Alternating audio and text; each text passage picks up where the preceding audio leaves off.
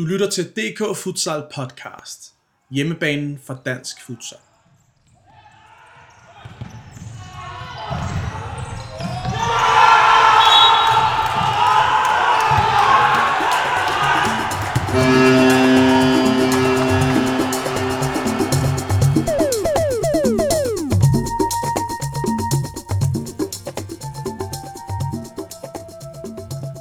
Jeg sidder sammen med Tai Pundik, og jeg har kørt hjem på øh, privatadressen på Frederiksberg. Tak fordi du måtte komme, Tai. Tak fordi du gad at komme. Altid. Fordi vi skal jo snakke futsal. Det skal vi. Og det øh, er jo noget, som man kan sige, vi begge to har en kæmpe passion på. Men jeg tænker, Tai, for de lyttere, der ikke har mødt dig i hallerne, eller ikke kender til dig nu, kan du så ikke lave en kort introduktion af dig selv? Det kan jeg i hvert fald. Øh, man kan sige, jeg blev allerede introduceret for futsal øh, tilbage i slut 90'erne, øh, da jeg var øh, fodboldspiller, ligesom de øh, fleste andre øh, aktive futsalspillere i Danmark. Øh, i, øh, dengang der var, øh, var DAI, dem der havde en futsalturnering, og jeg var aktiv spiller øh, i vintersæsonen, uden for fodboldsæsonen. Og lige så langsomt, så blev det jo øh, en, en, en større og større kærlighed til spillet, øh, og var meget draget af det. Og omkring 2005-6 stykker, der besluttede jeg mig egentlig for øh, udelukkende at spille futsal. Øh, og naturen gjorde også, at min krop nok ikke var så meget til at være aktiv spiller. Så, øh, og det gik op for mig, at jeg i hvert fald ikke var i stand til både at, at være træner og spiller på en og samme tid. Øh, så et, et, et par år efter øh, blev det udelukkende på, på sidelinjen. Øh, så ja, har faktisk været aktiv øh, i, i dansk futsal i et par 20 år efterhånden. Mm. Øh, selvfølgelig i en, i en voksende størrelse.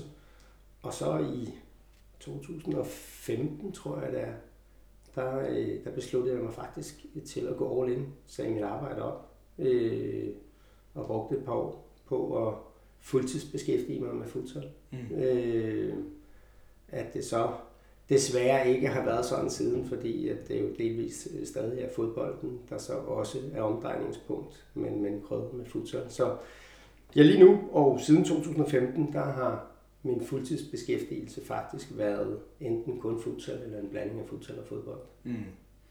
Og lige om lidt, så skal vi snakke om starten med dansk futsal. Øh, men jeg kunne også godt tænke mig at høre, altså, hvordan, hvilke klubber har du startet? Fordi vi kender dig jo fra København Futsal. Men øh, det er jo ikke der, den oprindelige var jo. Nej. Kan vi få den med også? Altså man kan sige, at den klub, som jeg startede med at spille for i, øh, i slutningen af 90'erne, den hed Sport Italia. Og Sport Italia var egentlig en klub, som blev startet af den italienske, daværende italienske ambassadør og nogle italienere. Og øh, jeg arbejdede med italiensk vin og havde berøring med en masse italienere. Og øh, på den måde kom øh, i snak med dem, og øh, det var egentlig min indgang til Sport Italia. Og klubben hed sådan set også Sport Italia helt frem til 2011, 12 stykker tror jeg det er, hvor at vi var så heldige og dygtige at vinde det første øh, Danmarks mesterskab. Og i den forbindelse, så skulle vi jo spille øh, det, der dengang hed UEFA Futsal Cup, som nu er Champions League. Øh, det var DBU måske ikke så begejstret for, at der var et dansk hold, der hed Sport Italia.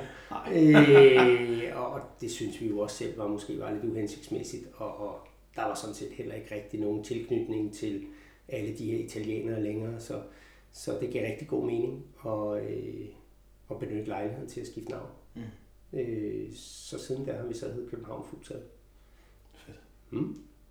Og når vi så snakker siden da og udvikling, så er jeg jo interesseret, når du har været med så lang tid, som du har. Kan du øh, pege os ind på et område, hvor du synes, at der har været størst udvikling i dansk futsal? Ja, altså, jeg vil sige, desværre, øh, der har heldigvis været udvikling, men den har ikke været så homogen forstået på den måde, at øh, toppen af dansk futsal har helt sikkert flyttet sig. Øh, så, så landsholdet har, har flyttet sig betragteligt, og øh, jeg vil også sige, sådan dansk øh, herre elitefutsal har også flyttet sig rigtig meget. Øh, ikke kun få klubber, men en del klubber. Øh, så sådan man kan sige, toppen af dansk futsal har flyttet sig, men det har resten desværre ikke. Måske endda tværtimod. Ja. Øh, det, det er lidt en udfordring. Men ser du, at vi har fået flere klubber til, siden det startede, eller er vi blevet bedre på selve spillet? Øh, Der er jo rigtig mange udviklingsmuligheder for dansk futsal. Der er også hele organisationen af, af vores øh, ligaer og så videre i toppen af dansk futsal. Hvor, øh, hvor vil du sige, vi, aller, vi, vi stiller os aller længst frem lige nu? Altså jeg synes både vi spilmæssigt, jeg synes der er mange hold, der har flyttet sig. Øh, så vil nogen måske mene, at vi ikke har flyttet os så meget, som vi kunne, men, men øh, det kan man altid diskutere. Men som sagt, rent spilmæssigt synes jeg, der er sket rigtig meget øh, på flere hold. Organisatorisk øh, er der også sket en del, fordi der er specielt øh, vestpå kommet nogle klubber til, som ved det rigtig meget, og øh, som øh, er super stærke øh, organisatorisk. Og, øh, og det kan vi heldigvis lære lidt af østpå. Øh, vi kan smitte lidt af på hinanden. Men når det så er sagt, så er der ingen tvivl om, at, at det stadig er super skrøbeligt. Øh, og, og det er meget typisk for futsalklubber øh, generelt i Europa. Øh, det er oftest meget personafhængigt. Om det så er øh, enkelte sponsorer, det hele står og falder med, eller om det er enkelte personer, der bærer det hele, eller enkelte spillere, der bærer det hele, så er det meget sårbart og skrøbeligt. Øh, og svært at sammenligne med, med fodboldklubber på øverste hylde, fordi vi er jo vi er toppen af poppen, men samtidig også dybt præget af, at, at vi er amatører. Ikke? Mm. Og lige præcis den skrøbelighed, tænker jeg, vi skal snakke lidt om, fordi futsal har jo også sine mangler, som alt muligt andet har. Men øh, udviklingsmæssigt, hvor ser du, at vi har de største mangler lige i øjeblikket i dansk futsal? Ungdom. Ja. Fødekæden. Øh, bredden. Mm. Øh, fordi der er ingen tvivl om, at da jeg gik all in på futsal, så var det selvfølgelig med en øh, også med en elitær kasket og med ønsket om, at dansk elite futsal øh, det blev flyttet og løftet til nye højder. Men øh, for mig at se, der har futsal utrolig mange andre ben at stå på også. Øh, man kan sige overordnet set, så er den primære årsag til, at FIFA og UEFA øh, investerer så meget i futsal, det er jo for at gøre fodboldfamilien endnu større. Og futsal appellerer bare til en anden type spillere og til en anden målgruppe. Øh, det vil altså trænere, dommere, sponsorer og spillere osv. Så, videre. så det er en, det er en ekstra platform, som i sidste ende gør fodbolden endnu større og endnu stærkere og endnu bredere og endnu mere mangfoldig. Øh, og det er lidt udblevet, øh, fordi vi har faktisk ikke rigtig helt evnet at få, ja, at få bredden med. Vi har ikke rigtig fået resten af fodboldfamilien til at elske futsal på samme måde, som vi gør. Øh, det har primært været med, med fokus på toppen. Og det vil sige, at vi har ikke særlig mange børn og unge, der spiller futsal. Øh, vi har ikke rigtig en ja, fremtidens fodkæde.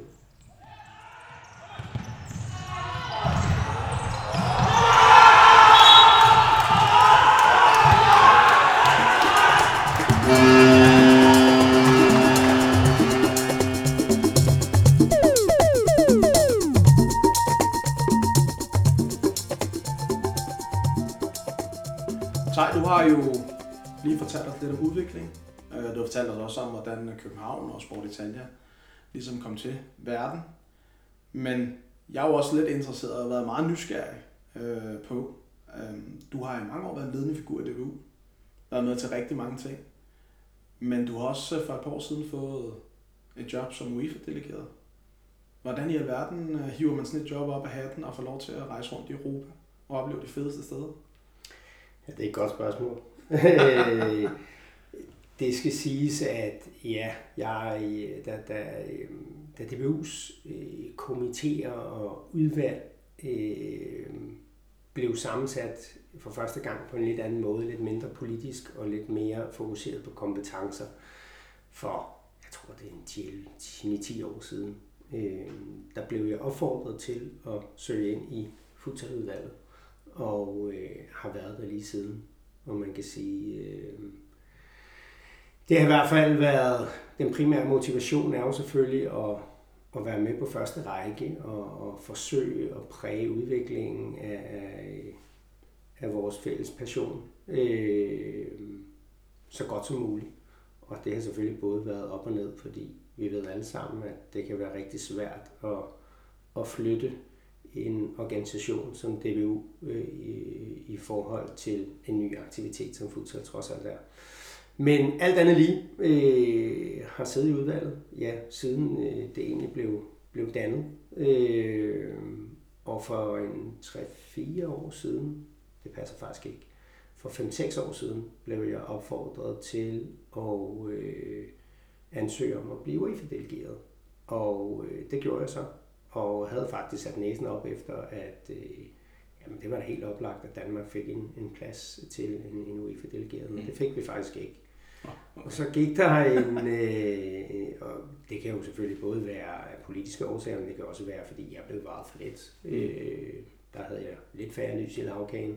Ja. Øh, men øh, da jeg så blev opfordret til det igen, en tre år senere, det er så, ja, det er to og et halvt, tre år siden nu, jamen øh, så var jeg så heldig at være blandt de seks nye delegerede. Der er cirka en 5-26 øh, UEFA-delegerede i futsal. Øh, og for første gang en, en dansker. Mm. Øh, ja, og det har jeg jo så arbejdet som siden. Øh, og vanvittigt interessant. Det ja. skal der da ikke have tvivl om. Øh, dog skal det også siges øh, hårdt arbejde, men mens jeg tør øjnene, øh, så, så, så må jeg også erkende, at det, det er jo et stort privilegium at, øh, at rejse rundt og ja, i bogstaveligste forstand være på første række og, mm. og øh, være med til at se ja, futsal på allerøverste hylde. Ja. Hvad består dine arbejdsopgaver i, når du er afsted som UEFA-delegeret? Altså man kan sige helt kort fortalt, så er man som delegeret, er man i princippet UEFA's øjne og ører. Mm. Øh, så man kan sige, hvis alt ellers går øh, lige efter bogen, øh, så er man nærmest lidt overflødet jo. Øh, og det er jo fantastisk, når det er tilfældet. Øh, det er det desværre bare ikke, øh, fordi som øh, jeg plejer at sige, når vi har sådan et øh, organisatorisk opstartsmøde, det er, at man, man skal altid forvente det, det man mindst forventer. Øh, expect the unexpected. Mm. Og der sker bare vanvittigt mange ting, som man ikke tror øh, burde ske. Øh, og det er der, man som delegeret jo i realiteten er den øverste myndighed, og derfor skal træffe nogle valg. Mm. Og oftest er det forholdsvis nemt, fordi der kan man læne sig op af øh, UEFA's regulativer og hele det regelsæt, der er. Andre gange så er det en gray zone, hvor man skal bruge sin sunde fornuft, øh, og det er jo så nok det, jeg primært er ansat til at mm. Tage stilling til de ting. Øh, og man kan sige, med danskers øjne, der kan man måske endnu nemmere forstå, da Christian Eriksen faldt om i parken for eksempel, jamen, der havde jeg en, en serbisk kollega, som sad som delegeret til den kamp, og det er der jo til alle UEFA's kampe, og skulle træffe en svær beslutning der. Mm. Øh, så det ene øjeblik kan det være en relativt lille rolle, det næste øjeblik kan det være et, et meget stort ansvar. Øh, og så kan man sige, i futsal-regi vil det altid være en anden skala end fodbold. Mm. Øh, så selvom at jeg er ansat som UEFA-delegeret øh, nøjagtigt ligesom en udendørs er, så er der trods alt forskel på, på, på det ansvar, der ligger på en skulder. Ja. Men det er jo stadigvæk en fantastisk ting, og fantastisk, at vi har fået en dansk delegeret, tænker jeg, fordi du trækker, jo også noget erfaring med tilbage til Danmark, øh, og kan fortælle os lidt, hvordan det er i Europa, og det udland og se, hvad der er med nogle andre øjne på, hvad der sker derude. Ikke? Ingen tvivl om det. Altså man kan sige, det man i realiteten også gør, vi bruger en del øh, tid på, øh, når jeg er afsted, det er jo faktisk at netværke og øh, vidensdele. Fordi øh, selvom vi synes, at vi er bitte små i Danmark, og futsal er meget nyt, så er det det jo i rigtig mange lande. Og øh, vi kan lære rigtig meget af hinanden, både øh, klubmæssigt, øh, men, men også organisatorisk i vores forbund. Og øh, kan lære hinandens fejl og, og bruge hinandens succeser osv. Så det er ret interessant faktisk at vide en del, og man kan tydeligt mærke, at selvom når jeg er ude til enten øh, landskampe eller Champions League, som det jo er, men så er der kamp på banen, men klubberne er vanvittigt gode til at snakke sammen uden for banen. Øh, og og der er det, det hele emmer jo lidt af, at det er en lille familie. Mm. Øh, og, og det, er, det er meget fascinerende. Mm. Øh, og ret interessant. Og selv de helt store, nu har jeg senest i sidste uge øh, været i Slovakiet, hvor en mastodont som Benfica var, som jo er et kæmpe apparat, øh, og det belgiske mesterhold, som forsøger, og som også bruger vanvittig økonomi, men som jo rigtig gerne vil lære en masse Benfica, og så er der en lille søster eller en lillebror i det slovakiske mester, som, som, øh, som ihærdigt forsøger at gribe nogle guldkorn, øh, men som er et helt andet sted. Mm. Øh, men klubberne, selvom der er kæmpe stor forskel på dem, så er de meget indstillet på at hjælpe hinanden og lytte til hinanden. Øh, så ja, hele vejen igennem, su- super interessant. Ja. Øh, ingen tvivl om det. Men så må vi lige sætte en lille krøl på hanen her, og så må vi høre, hvad, hvad så er din største oplevelse med UEFA? Som en UEFA-delegeret, tænker jeg. Altså, nu kan man sige, øh, nu er min, min tid som UEFA-delegeret øh, stadig spæd, øh, men, men man kan sige, at det seneste år har jeg været afsted en, ja, jeg tror en 12-14 gange. Så, og alle sammen har jo sat sine forskellige aftryk, men jeg tror nok, den største oplevelse har stadig været min første, min første øh, appointment i, øh, i Kroatien. Øh, men for der, der, det, det er så forskelligt. Altså, der er det sportslige aspekt. Man skal mm. huske på, at selvom at jeg sidder på første række og øh, kan sidde og nyde i rigtig god futsal, så er mit primære arbejde det er jo faktisk at prøve at holde øje med rammerne udenom. Det vil sige, at jeg må helst ikke fortabe mig i selve spillet, vel, fordi jeg skal jo i realiteten sidde og holde øje med, hvordan agerer tilskuere, hvordan agerer officials, hvordan er spillerne i forhold til hinanden. Mm. Øh, alle de ting, der er omkring rammerne, hvordan er sikkerheden, øh, etc. Og så kan man sige, i coronatiden, især når der ikke var tilskuere, man så var nogle helt andre ting, man skulle fokusere på. Ikke? Mm. Hvordan var hygiejneforholdene? Er der nogen, der ikke beholdt masker på? Er der nogen, der ikke sprittede af de rigtige steder? Bla bla bla. Så, ja. så, øh, så der er det sportslige aspekt, som er super interessant, og der er noget futsal, der helt sikkert klart bedre end andet. Men så er der også nogle mennesker, man møder undervejs, som bare er kæmpe personligheder, som også er oplevelser i sig selv. Og så er der, da jeg var i Lissabon, øh, og med Benfica som hjemmehold, jamen, så må man bare sige, at de, de afholdt et værtskab på en lidt anden måde, end vi gjorde i København Futsal, da, da vi havde Champions League værtskab. Ikke? Altså, ja. det er bare en mastodont og et maskineri, der er vanvittigt. Ikke? Ja. Så, øh, så vi tager det hele. Jeg er sgu lige glad med, om, om jeg er i Litauen, eller om jeg er i uh, Lissabon, øh, når først bolden, bolden ruller.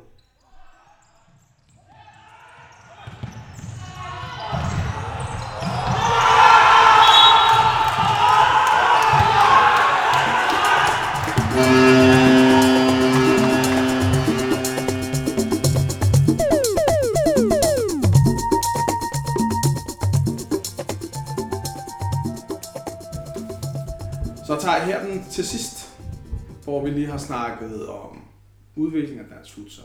Vi har snakket om, hvordan København og Sport Italia kom til. Vi har snakket om dig, UEFA-delegerede. Så er dit hjertebarn jo København Futsal, og har altid været det. Så jeg vil høre, sidste år der blev nummer to. Til, jeg havde en sindssygt spændende finale. Øh, to. I Gentofte Hallen. Hvordan har jeres opstart gået i år? Jamen, vores opstart har sådan set været rigtig fin. Øh, man kan sige, hvis vi kigger tilbage på sidste sæson, så ja, øh, det var en spændende anden finale, men jeg tror ikke, der er mange, der er uenige med mig i, at, at vi fik mere eller mindre det optimale ud af, af den sæson. Selvfølgelig så i en finale kan alt i princippet ske, og det optimale havde selvfølgelig været at vinde mesterskabet. Men øh, på utrolig mange parametre var vi bare overmatchet af Gentofte igen. Øh, det har vi været igennem en overrække. Så selvom at sølv altid vil være tabt guld, ja. så må jeg også overordnet sige, at, at sidste sæson, øh, som på mange måder var rodet for os alle sammen, der var det optimalt øh, at komme i finalen, og, og jeg synes, vi fik mere eller mindre det maksimale ud af, af holdet. Øh, når det så er sagt, jamen, så har vi da forsøgt at, at ja, at starte den nye sæson og bygge den nye sæson op på en måde, så, så målet selvfølgelig igen et eller andet sted er at lege med, hvor det er sjovest. Mm. Øh, altså i alle de år, jeg har været i København Futsal, der har vi haft en ambition om at vinde DM. Øh, vi har ikke haft en forventning om det, øh, og synes jeg også selv haft sådan en forholdsvis øh, afslappet tilgang til selve mesterskabet. Øh, vi tager det sådan lidt trin for trin, og man kan sige i år, som er lidt anderledes med en ny struktur. Men der er det primære mål, det er at blive blandt de tre bedste i, øh, i grundspillet, øh, så vi kommer med i mellemspillet. Øh, om det så bliver som et, to eller tre, altså jeg tror bare, at vores indstilling er, at vi vil gerne vinde så mange kampe som muligt. Mm. Vi vil gerne have så meget sportslig succes som muligt. Øh, og så plejer placeringerne jo gerne at, at følge med. Ikke? Mm. Øh, vil vi gerne vinde DM? Det vil vi vildt gerne. Vil vi gerne i finalen? Det vil vi også gerne. Vil vi også gerne i semifinalen? Og så videre. Men, men øh, jeg tror, til at starte med, så hedder det at, at få, få bygget holdet op. Og så måske lidt mere langsigtet i vores tilgang til det, end vi har været tidligere. Mm. Øh, er det vigtigt, at vi har noget holdbart og et, et sundt fundament på den lange bane, end at pisse i bukserne øh, i håb om at få sportslig succes på den korte bane. Men er det blevet jeres strategiske mål? Altså jeg tænker mere i forhold til det her med at få bygget nogle hold på AOC for hele tiden nye ungdomshold op. Øh, har det været måden for jer ligesom at sige, nu bygger vi klubben lidt større op ud over vores første hold? Det har det jo været fra starten af. Ja. Og man kan sige, at det har på mange måder været både to skridt frem og fire tilbage, og, øh, og et frem og et halvt tilbage. Altså, det er otte år siden, tror jeg, der havde vi et U19-hold og et U17-hold. Og så var tanken, at vi ville bygge ned derfra. Så måtte vi også erkende, at vi havde utrolig svært ved at holde fast i de her U17 og U19-spillere. Øh, og det var meget skrøbeligt. Så startede vi fra bunden af i stedet for. Og det er i princippet det, vi har gjort de sidste 3-4 år. Så har vi haft et akademi med, øh, med 3-4 øh, børne- og ungdomshold, helt ned fra, fra U8 op til, til U12. Så møder vi den næste udfordring. Det er, at rigtig mange af de spillere, vi har, det er jo fodboldspillere fra alle mulige forskellige klubber, som bare elsker at spille futsal og bruger det som et super supplement og udviklingsværktøj. Men i det, de rammer den her alder U12, U13, så bliver de også så dygtige, mange af dem heldigvis, mm. øh, at deres træningsmængde i deres fodboldklubber, hvad enten det er KB, Brøndby eller øh, Øh, B93, eller hvor de nu spiller, men den bliver så tung, at det bliver svært og svært at få plads til futsal. Mm. Øh, og derfor rammer vi egentlig sådan lidt et dødvand der. Øh, så vi, vi må, altså vores strategi jo, det er at holde fast i vores akademihold, og så må vi bare sande, at vi er naive, hvis vi tror, at vi kan bygge futsalhold op øh, i alle aldersgrupper, som vil træne i futsal to gange om ugen hele året. Øh, vi må lidt agere efter den virkelighed, vi er i. Og det er, at det er overvejende af fodboldspillere. Øh, 95 procent af dem. Mm. Og så må vi prøve at forme et futsal-tilbud, der, der er tilpasset deres fodbold. Ja. Øh, og hvis vi så om 5-7 år kan være heldige at stå med en lille del af de spillere, som faktisk er blevet så glade for futsal, at de vil, både vil vælge futsal frem for at spille, øh, jeg plejer at sige, fodbold i serie lort, eller fodbold i serie lort minus 2, fordi mm. det er også tilfældet. Men måske endnu vigtigere også, at de har fundet futsal ind med modersmælken. Fordi det er tit også det, vi ser som er et problem, det er, at mindsetet er bare anderledes. Futsal er ikke bare indendørs fodbold. Mm. Og det vil sige, at der er nogle ting, der skal ligge på ryggraden. Og hvis man først lærer dem, når man egentlig er blevet en voksen fodboldspiller, så kan det bare være væsentligt sværere.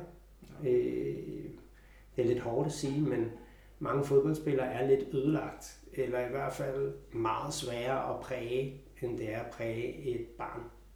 Sådan er det med al læring. Ja. Øh, og børnenes hjerner er bare lidt mere plastiske ja. øh, og formbare. Mm. Øh, så man kan sige, at den nye strategi, det er nok øh, så tidligt som muligt at prøve at præge nogle fodboldspillere bare en lille smule, øh, så de ved, hvad futsal er for en størrelse. Og så håber at, og er bekendt med, at de forsvinder lidt men at de kommer tilbage. Tai Pundik, det var en fornøjelse at få lov til at komme og interviewe dig i dag. I lige Og held og lykke i sæsonen. Vi glæder os til at se, hvad der skal ske. Tusind tak.